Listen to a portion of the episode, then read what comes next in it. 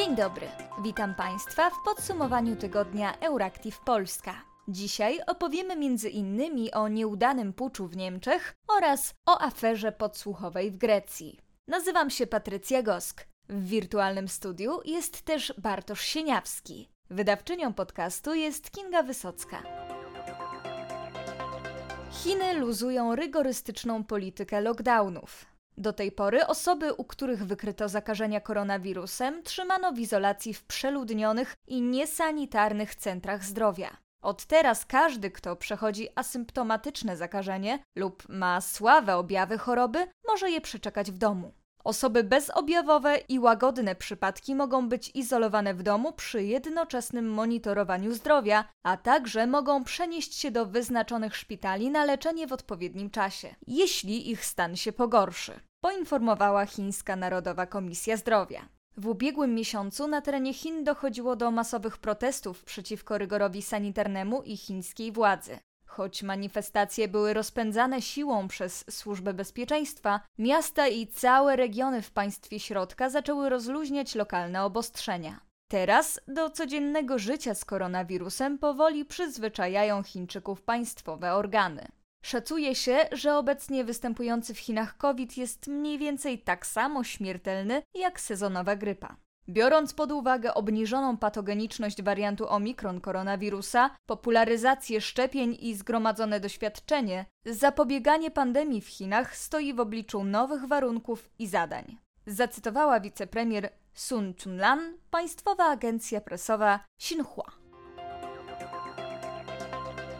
W Afganistanie wykonano pierwszy publiczny wyrok śmierci, odkąd talibowie objęli władzę. Doszło do tego na stadionie sportowym na południowym zachodzie kraju. Egzekucja odbyła się w prowincji Farah, a jej świadkami było kilkaset osób. Wśród znaleźli się zarówno talibscy dostojnicy, jak i zwykli ludzie. Na trybunach stadionu zasiedli m.in. ministrowie sprawiedliwości, spraw wewnętrznych i spraw zagranicznych w rządzie talibów, a także członkowie powołanego przez nich Sądu Najwyższego oraz dowódcy wojskowi. Na ich oczach powieszono mężczyznę o imieniu Tajmir, który pochodził z sąsiadującej z Fara prowincji Herat. Stracony miał pięć lat temu dokonać napadu rabunkowego i kradzieży motocykla, a przy tej okazji dźgnąć okradanego mężczyznę śmiertelnie nożem.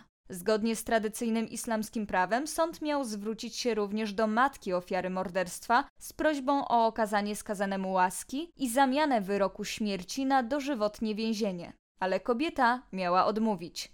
Najwyższy duchowny przywódca afgańskich talibów, Muła Hibatullah Ahunjada, zatwierdził więc wyrok śmierci i odtąd miało już nie być odwrotu. Zgodnie z zasadami talibów, skazańca powieszono publicznie. To kolejny przykład powrotu talibów do zasad, jakim hołdowali, gdy w latach 1996-2001 pierwszy raz rządzili w Afganistanie. Połowie listopada przywrócono już tradycyjne kary koraniczne, takie jak kamienowanie, chłosta czy obcinanie rąk złodziejom.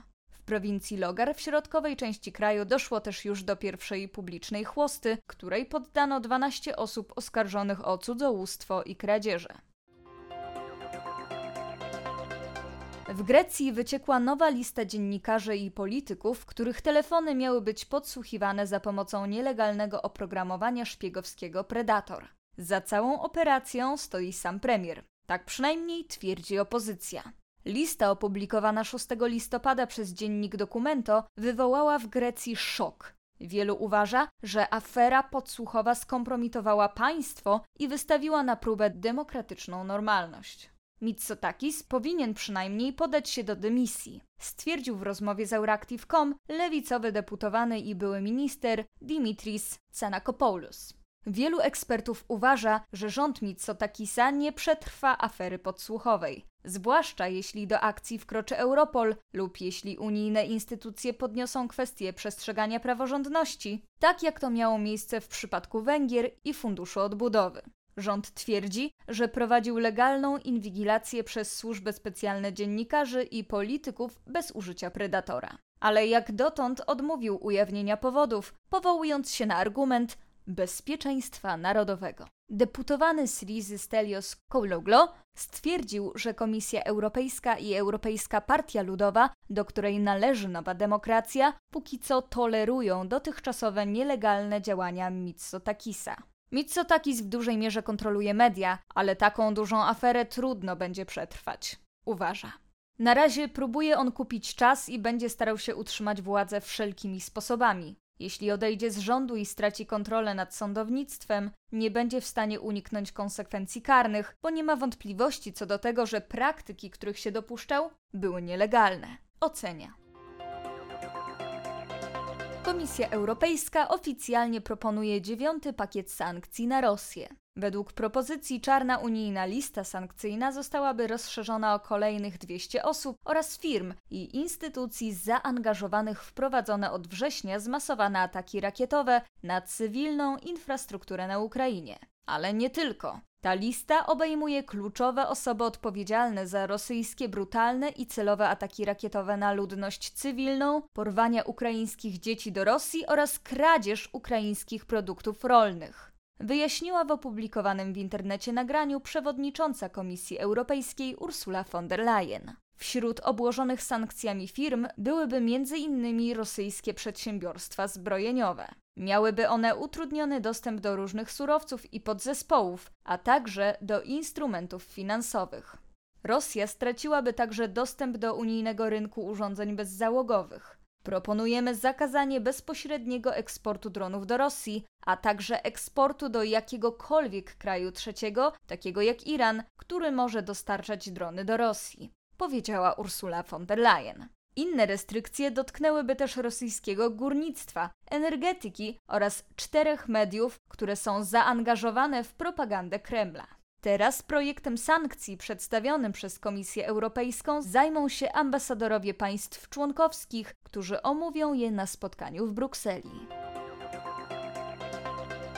Wielokrotnie już zwracałem na to uwagę w naszym podcaście, ale od kiedy tylko zaczęły się lata 20 XXI wieku, mamy powtórkę z rozrywki sprzed 100 lat. Mieliśmy już pandemię, mieliśmy już kryzys gospodarczy, na wschodzie wybuchła wojna, a teraz mamy do tego wszystkiego nieudany prawicowy pucz w Niemczech. 7 grudnia 3000 niemieckich policjantów dokonało skoordynowanej akcji zatrzymań i nalotów na prywatne mieszkania w celu rozbicia grupy spiskującej przeciwko niemieckiemu bezpieczeństwu narodowemu. Prawicowa grupa Reichsburger została rozbita, a jej dowódcy zatrzymani. Pośród aresztowanych znalazła się m.in. posłanka skrajnie prawicowej partii Alternatywa dla Niemiec. Aresztowań dokonano na terenie Badenii, Wirtembergi, Bawarii, Berlina, Hesji, Dolnej Saksonii, Saksonii, Turyngii, a także w Austrii i we Włoszech. Do przeszukań doszło również w innych landach, m.in. w Brandenburgii czy na Dreni Północnej Westfalii, na Dreni Palatynacie i kraju Sary. Reisburger skupiony jest wokół osoby 71-letniego Heinricha Reussa, również zatrzymanego w akcji policji. Reuss jest monarchistą, potomkiem niemieckiego rodu książęcego.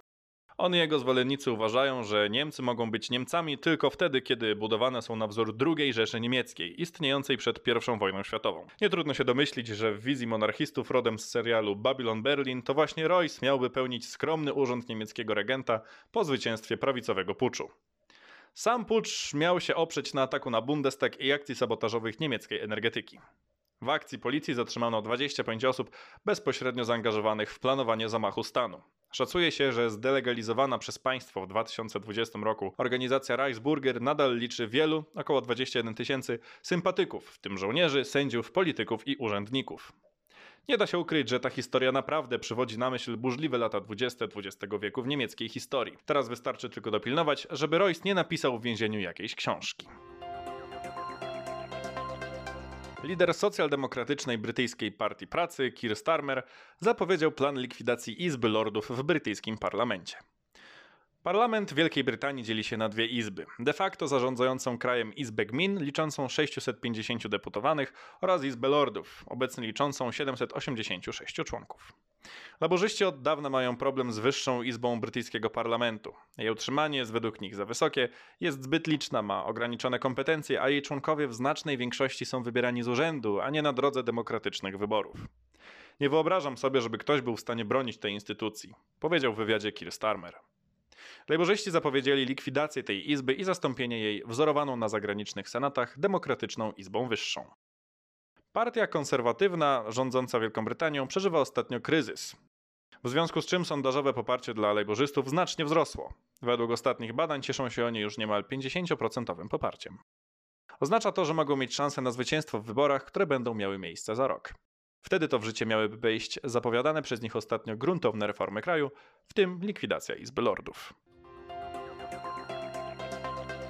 W ubiegły piątek policja z Francji, Hiszpanii i Kolumbii rozbyła międzykontynentalną szajkę stręczycieli, zmuszających kobiety z Ameryki Południowej do prostytucji na terenie Europy Zachodniej. Gang zarządzany był przez kolumbijsko-wenezuelską parę, która obiecując lepszą przyszłość kobietom z Kolumbii, Wenezueli, Peru i Paragwaju, sprzedawała je Alfonsom w Europie.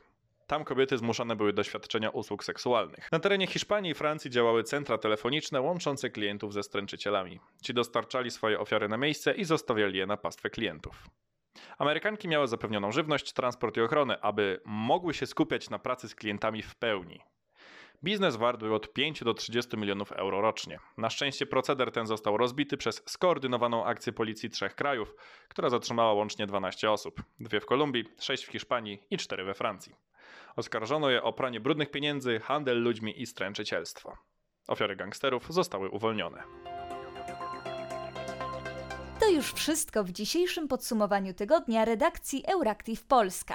Życzymy Państwu miłego weekendu.